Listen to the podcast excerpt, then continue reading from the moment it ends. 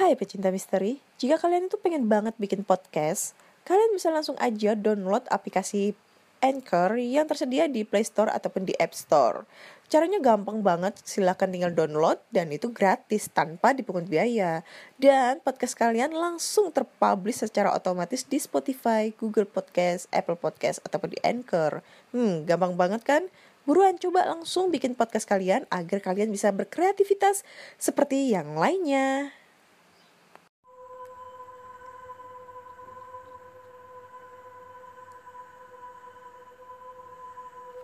Halo semua, jumpa lagi dengan aku Ana di podcast kisah horor.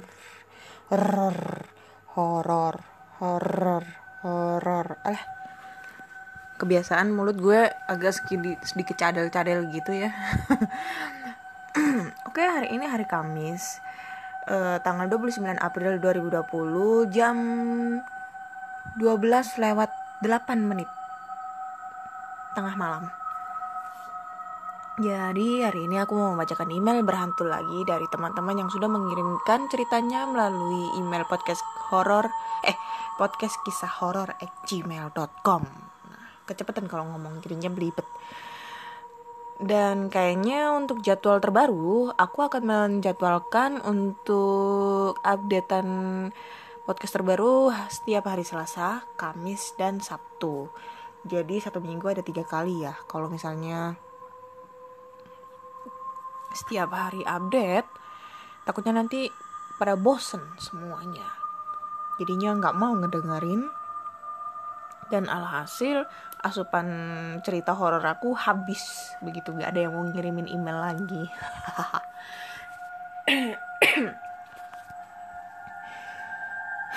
Langsung aja tanpa basa-basi aku mau membaca email berhantu dan sebelumnya Matikan dulu lampunya, tutup pintu rapat-rapat, jangan lupa pakai headset, keraskan volumenya.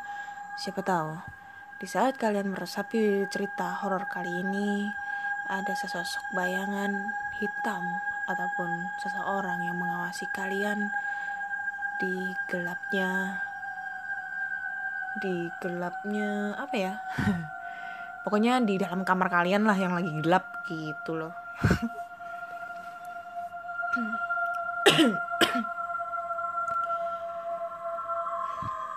Oke, cerita pertama datang dari Isna Frizilia. Langsung aja. Halo Kak Ana, nama aku Isna Frizilia. Umurku sekarang 18 tahun. Uh, gak jauh beda dengan umur aku. Ya.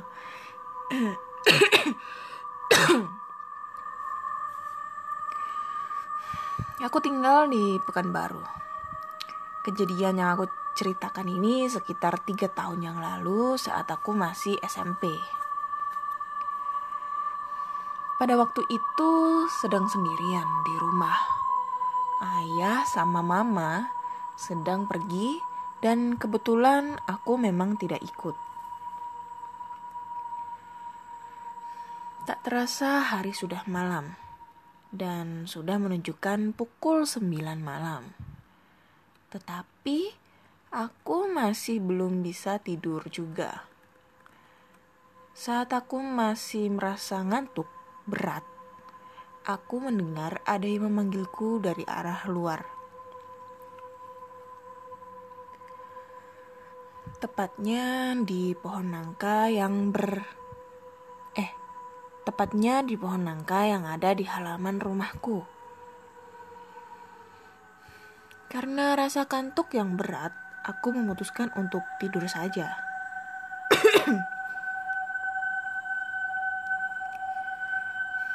Beberapa jam aku tidur, aku bermimpi bertemu dengan anak kecil kerdil dan dia mengajak aku bermain, tetapi aku nggak mau. Pas aku mencoba menjauh dari anak kecil itu, tiba-tiba dia langsung menerjang aku dari belakang. Posisinya anak kecil itu duduk di atas badan aku. Apa yang ku rasa benar-benar nyata. Wajah anak kecil tadi berubah menjadi wajah yang menyeramkan. Matanya besar melotot ke arahku, ditambah dengan wajahnya yang banyak berlumuran darah.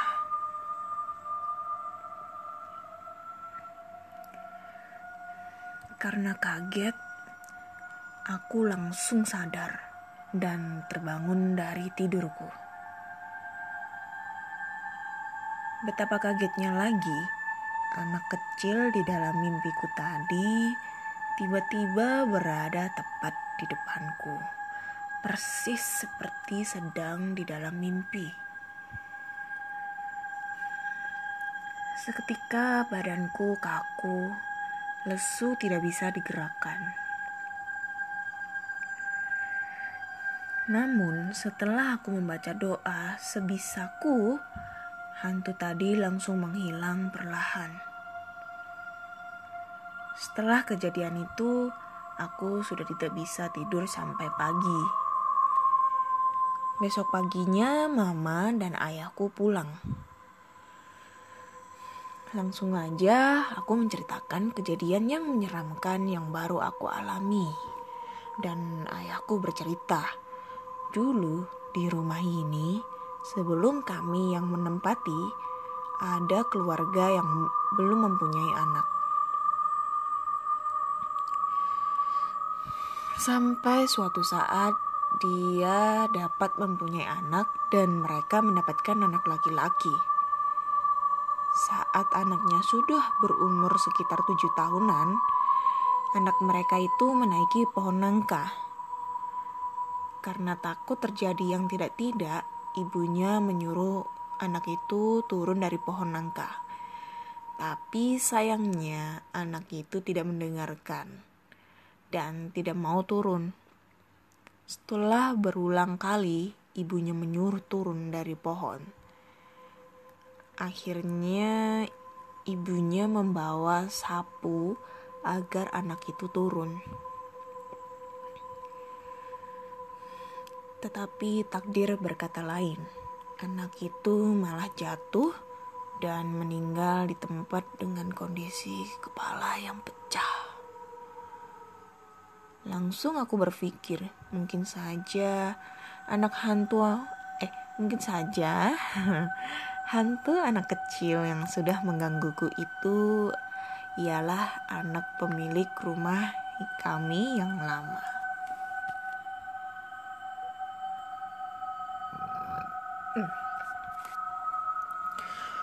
Oke, okay, terima kasih Isna buat ceritanya.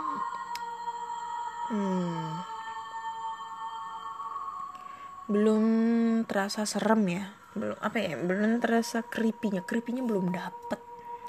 Tapi sih kalau misalnya itu terjadi dengan kita ya itu pasti ya bakal ngeri banget gitu loh. Secara dulu pernah sih aku mengalami yang namanya ketindihan.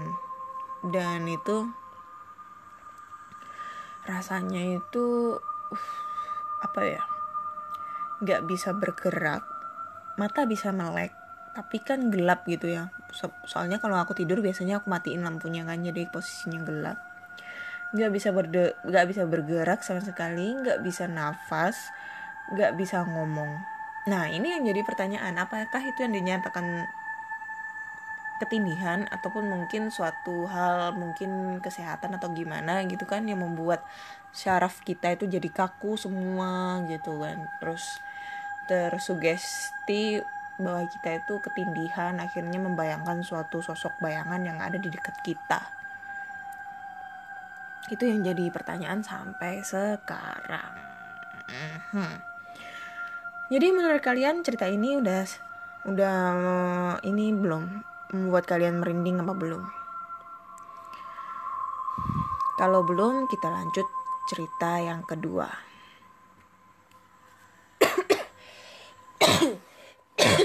Aduh, batuk guys.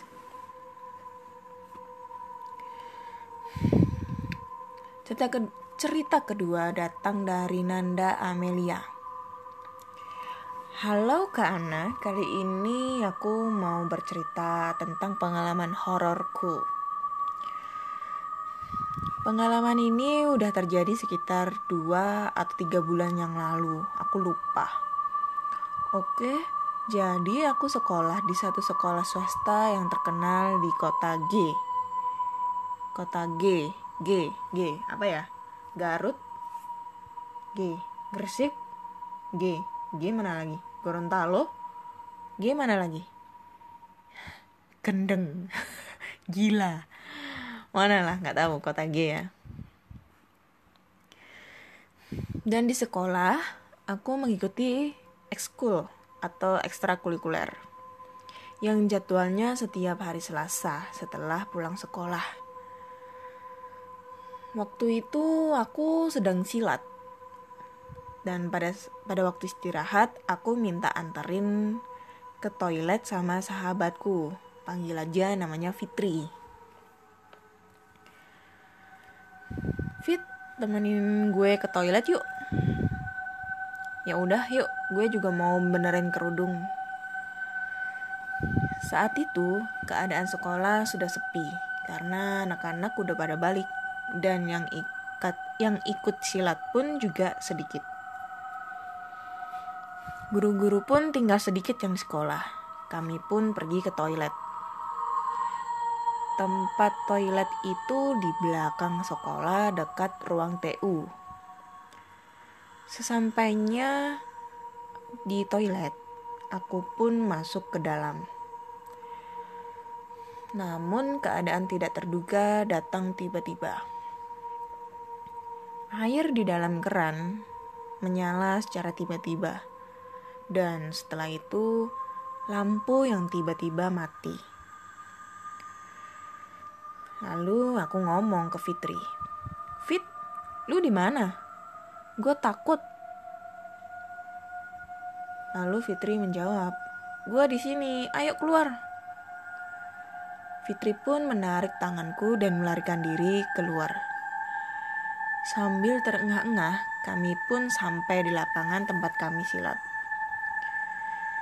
Lalu teman-teman silat yang melihat kami menanyakan hal yang terjadi pada kami. Salah satu temanku berkata, Eh, lo berdua habis ke mana aja? Lalu Fitri menjawab, Eh, sumpah, tadi di kamar mandi serem banget. Masa keran air nyala sendiri, sama lampunya tiba-tiba mati. Lalu salah satu temanku tertawa, hahaha, lu berdua dada aja. Palingan listriknya lagi dibenerin. Padahal tadi waktu jalan ke kamar mandi nggak ada siapa-siapa. Oh iya, sebelum peristiwa terjadi, aku pernah bertanya kepada salah satu sapam di sekolahku. Jadi tuh dulu waktu sekolahku dibangun, di belakang dekat ruangan TU ada pohon besar dan banyak penunggunya. Sampai ada siswa yang kesurupan kalau lagi jam pelajaran.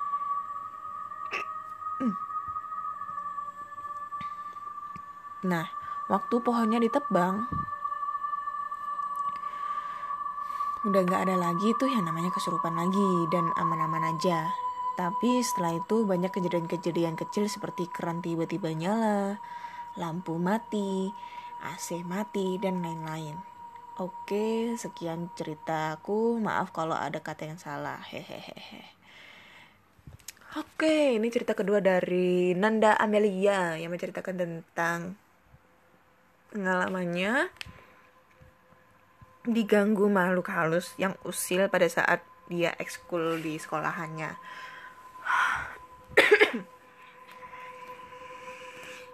ya mungkin waktu itu keran airmu lagi bermasalah kali ya keran airmu lagi bermasalah jadi mungkin bisa keluar secara tiba-tiba atau mati gitu kan terus kalau lampu mungkin saklarnya kali atau kabelnya ada yang putus atau kayak gimana kan kita nggak tahu ya. Tapi aku pernah mengalami cerita seperti ini waktu aku masih SMA jadi ceritanya itu dulu itu dari SMP aku itu ikut klub volley nah aku suka dong olahraga volley gitu ya sama jadi atlet tapi cuma sampai tingkat provinsi aja ya habis itu udah tua sekarang rematik semua. Jadi aku tuh pernah ikut klub volley di salah satu kampus di Surabaya. Jadi di kampus itu pernah ada ada apa ya membuka suatu ajang klub volley gitulah. Nah lapangan volleynya ini ada di sekit deket mana ya? Deket lapangan tenis. Nah lapangannya ini masih tergolong agak kalau zamanku dulu SMA itu tahun 2000 tahun 2008 ya aku ikutnya ya. Eh SMP itu tak SMP kan 2003 aku. Terus kejadiannya tuh SMA kelas 2 tahun 2008 ini baru baru SMA kenapa setiap dari bertahun-tahun itu baru kejadiannya SMA gitu kan jadi tuh uh, ada salah satu temen aku kita kan lagi istirahat gitu kan istirahat latihan lalu ada salah satu temanku ini mau apa namanya hmm, minta temenin ke toilet. Nah toiletnya ini deket sama asrama asramanya anak-anak mahasiswa mahasiswa kebetulan kan di kampusnya ini kan kampus ini ya fakultas olahraga gitu kan. Jadi kan asramanya itu kebanyakan asrama-asrama anak fakultas fakultas olahraga. Nah pada saat itu kita latihan itu sampai malam karena sparring ya. Karena uh, beberapa minggu pokoknya itu dalam waktu beberapa minggu tuh kita ada kegiatan lomba gitu kan antar klub. Pertandingan antar klub di mana ya? Di luar kota pokoknya. Nah pada saat, saat itu sekitar jam setengah tujuh malam aku masih inget banget temanku minta diantar ke toilet buat ganti pembalut. Nah kan dia lagi datang bulan. Nah ayo temenin aku yuk ke toilet. Ya udah aku anterin kan. Nah pada saat aku nganterin itu emang suasananya itu serem banget ya. E, tempatnya itu soalnya itu kan gelap ya. Gelap banget penerangannya itu nggak ada dan kebetulan mahasiswanya ini pada mudik semua ya soalnya kan lagi liburan liburan semester gitu kan. Terus toiletnya ini tempatnya ini agak jauh dari apa eh, lapangan indoornya volley ini. Jadi deket sama lapangan tenis yang outdoor gitu kan. Dan ini lapangan tenis agak jarak satu meter apa dua meter itu udah kebun-kebun gitu loh kebunnya orang gitu kan. Sawah gitu. Nah pas waktu di toilet dia itu ganti bla bla bla bla bla bla. Nah ternyata waktu aku nungguin itu tiba-tiba itu kayak ada orang yang lagi ngawasin aku gitu. Kan aku nunggu di luar kan dia di dalam gitu. Kayak ada yang ngawasin aku Nah, aku ngeliat gak ada orang ya waktu itu masih berpikir positif lah. Ya kali aja iseng atau mungkin ada anak yang ngintip atau kayak gimana. Tapi kan ya siapa yang ngintip? Soalnya kan anak klub itu rata-rata cewek semua gitu kan. Nah, udah selesai. Temanku selesai kita balik lagi ke lapangan. Nah, kebalik lagi ke lapangan, istirahat bla bla bla. Terus tiba-tiba pas kita main sparring kalau main-main di lapangan. Nah temanku yang habis ganti pembalut ini tiba-tiba kesurupan. Uh pingsan kubrak jatuh. Itu keras banget itu jatuhnya itu. Terus kesurupan teriak-teriak gak jelas ketawa-ketawa nangis ketawa nangis ketawa nangis kayak gitu terus. Dan gak taunya nah ini kebetulan nih pelatihku itu orangnya orang pinter juga gitu loh. Dia anak orang pondokan dulu jadi bisa bisa ngerti lah bisa ngusir-ngusir gitulah. Nah pas ditanya ternyata anjir kirain apa tadi? Pas ditanya ternyata teman aku pada saat waktu ganti pembalut dia itu nggak membersihkan bekas bekas haidnya itu mohon maaf bekas haidnya itu dan dibuang gitu aja di tong sampah. Itu yang membuat para mbak kuns ini tuh masuk ke dalam tubuh temanku gitu.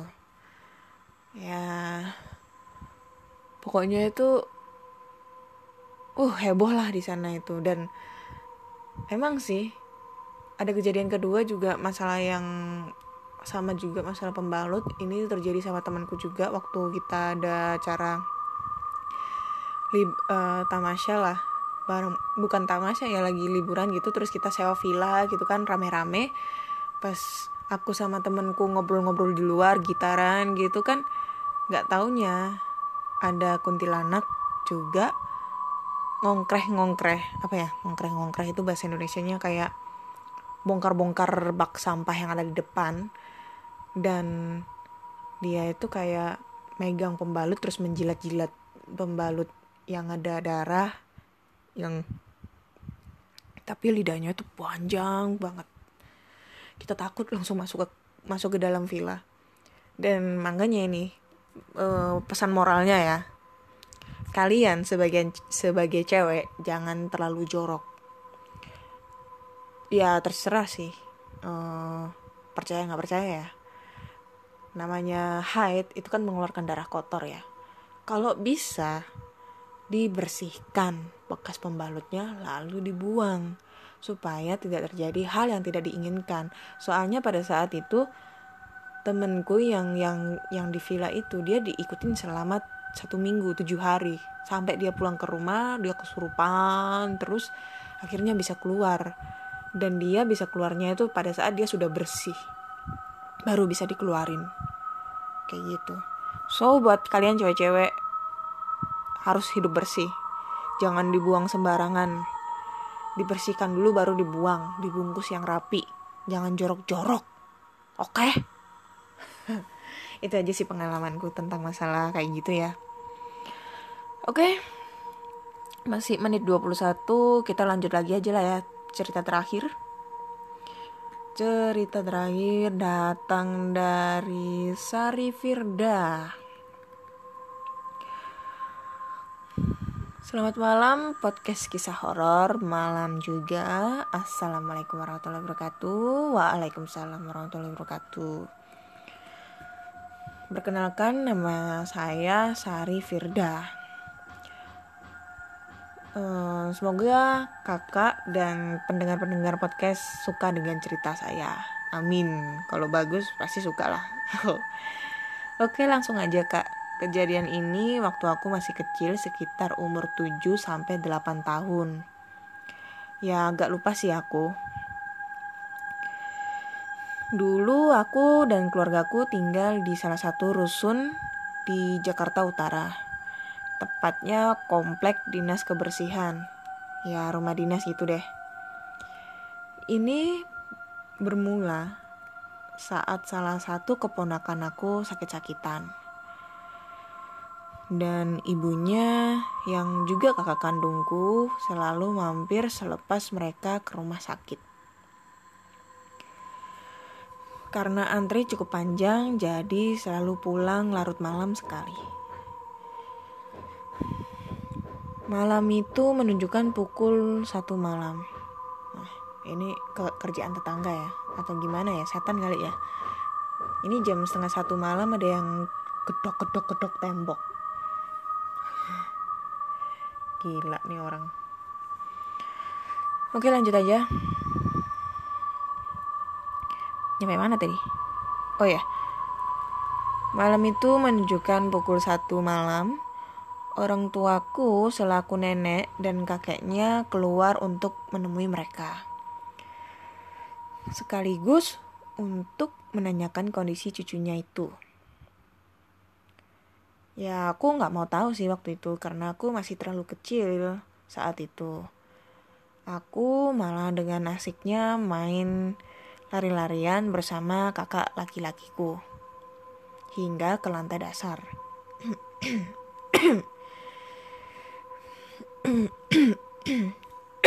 Wih, intermezzo.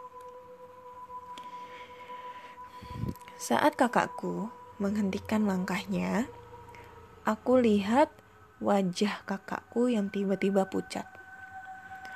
Sontak aku pun ikut melihat ke mana arah kakakku memandang. Aku lemas. Di hadapan kami ada seorang perempuan berbaju merah tidak mengenakan alas kaki, dengan mata yang sangat menyeramkan.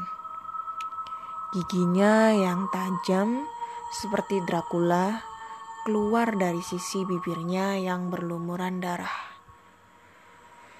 Yang, dan yang paling aneh, perempuan itu membawa beberapa kantong plastik berwarna merah yang entah isinya itu apa. Yang pasti plastik itu mengembang seperti membawa air di dalamnya. Aku lemas setengah mati. Akhirnya dengan luluh lantah. Berlari meski perlahan menuju lantai dua di mana rumahku berada. Aku meninggalkan kakakku yang masih belum bisa men mengendalikan rasa takutnya itu. Aku memberitahu bapak, dan akhirnya bapak membawaku membawa kakakku pulang. Jam terus bergulir. Singkat cerita, ternyata sosok perempuan itu tidak hanya menampakkan wujudnya kepada aku dan kakakku saja. Dibuatlah gempar satu komplek dengan kehadirannya. Seperti membalaskan dendamnya, sosok itu menaruh banyak kantong plastik ke dalam truk-truk sampah warga yang ternyata kantong plastik itu berisi darah. Warga akhirnya memanggil Pak Ustadz Karmo. Akhirnya semua plastik berisi darah itu pun berhasil ditemukan. Setelah kejadian hari itu ternyata tak menyudahi semuanya. Sosok itu masih saja berkeliaran dan entah sampai kapan. Uh, ini sih lumayan ya agak creepy banget.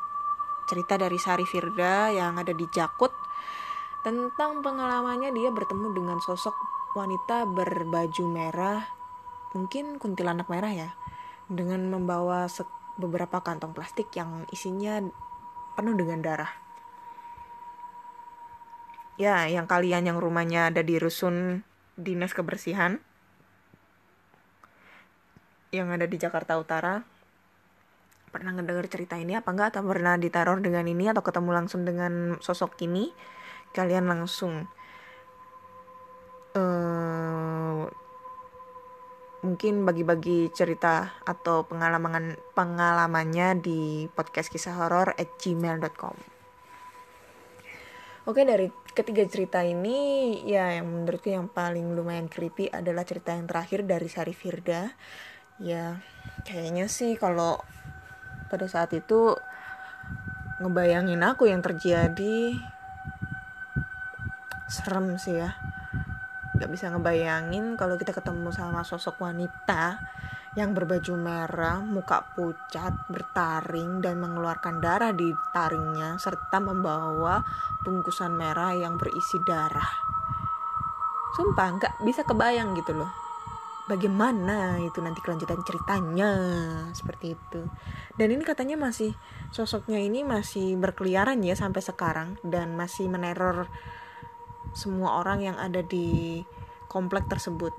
Jadi mungkin ada yang rumahnya di sana dan kebetulan mempunyai kisah yang seperti itu bisa kalian share aja ceritanya. Nanti pasti aku bacain antara di YouTube ataupun di Spotify Oke, cukup sekian dulu cerita kali ini. Udah ada tiga cerita sekaligus bonus cerita dari pengalamanku. Hehehe. Jadi sekitar 4 atau 5 cerita ya. Ya, menurut kalian bagaimana? Toh e, mau percaya nggak percaya semua ada di pihak kalian. E, jangan terlalu percaya dengan makhluk halus, kita percaya dengan Allah Subhanahu wa taala. Derajat manusia itu lebih tinggi dibandingkan derajatnya setan. Seperti itu. Oke, jika kalian punya cerita horor, cerita seram, dan cerita-cerita menakutkan, kalian bisa langsung aja share di podcast kisah horor gmail.com. Nanti pasti aku ceritakan ceritanya di Spotify ataupun YouTube. Dan jika kalian penasaran dengan YouTube aku, di situ juga aku meng-share cerita podcast yang ceritanya itu nggak sama dengan yang ada di podcast di Spotify. Kalian bisa langsung datang aja mampir di channel Anna Olive. Jangan lupa subscribe subscribe subs, subscribe subscribe, like, comment, dan share. Dukung terus uh, podcast kali ini ya. Anjir, butuh dukungan karena banyak sedikit sekali yang uh, ngedengerin podcast aku. Dan jangan lupa kalau mau mampir ramein juga di IG ya podcast kisah horor eh podcast kisah horor gmail.com di podcast kisah horor atau atau di Instagramku namanya Anolive kalian bisa langsung juga nge-share pengalaman kalian lewat DM. Oke, sampai jumpa di cerita-cerita berikutnya di hari Sabtu mendatang. See you. Selamat menunaikan ibadah puasa.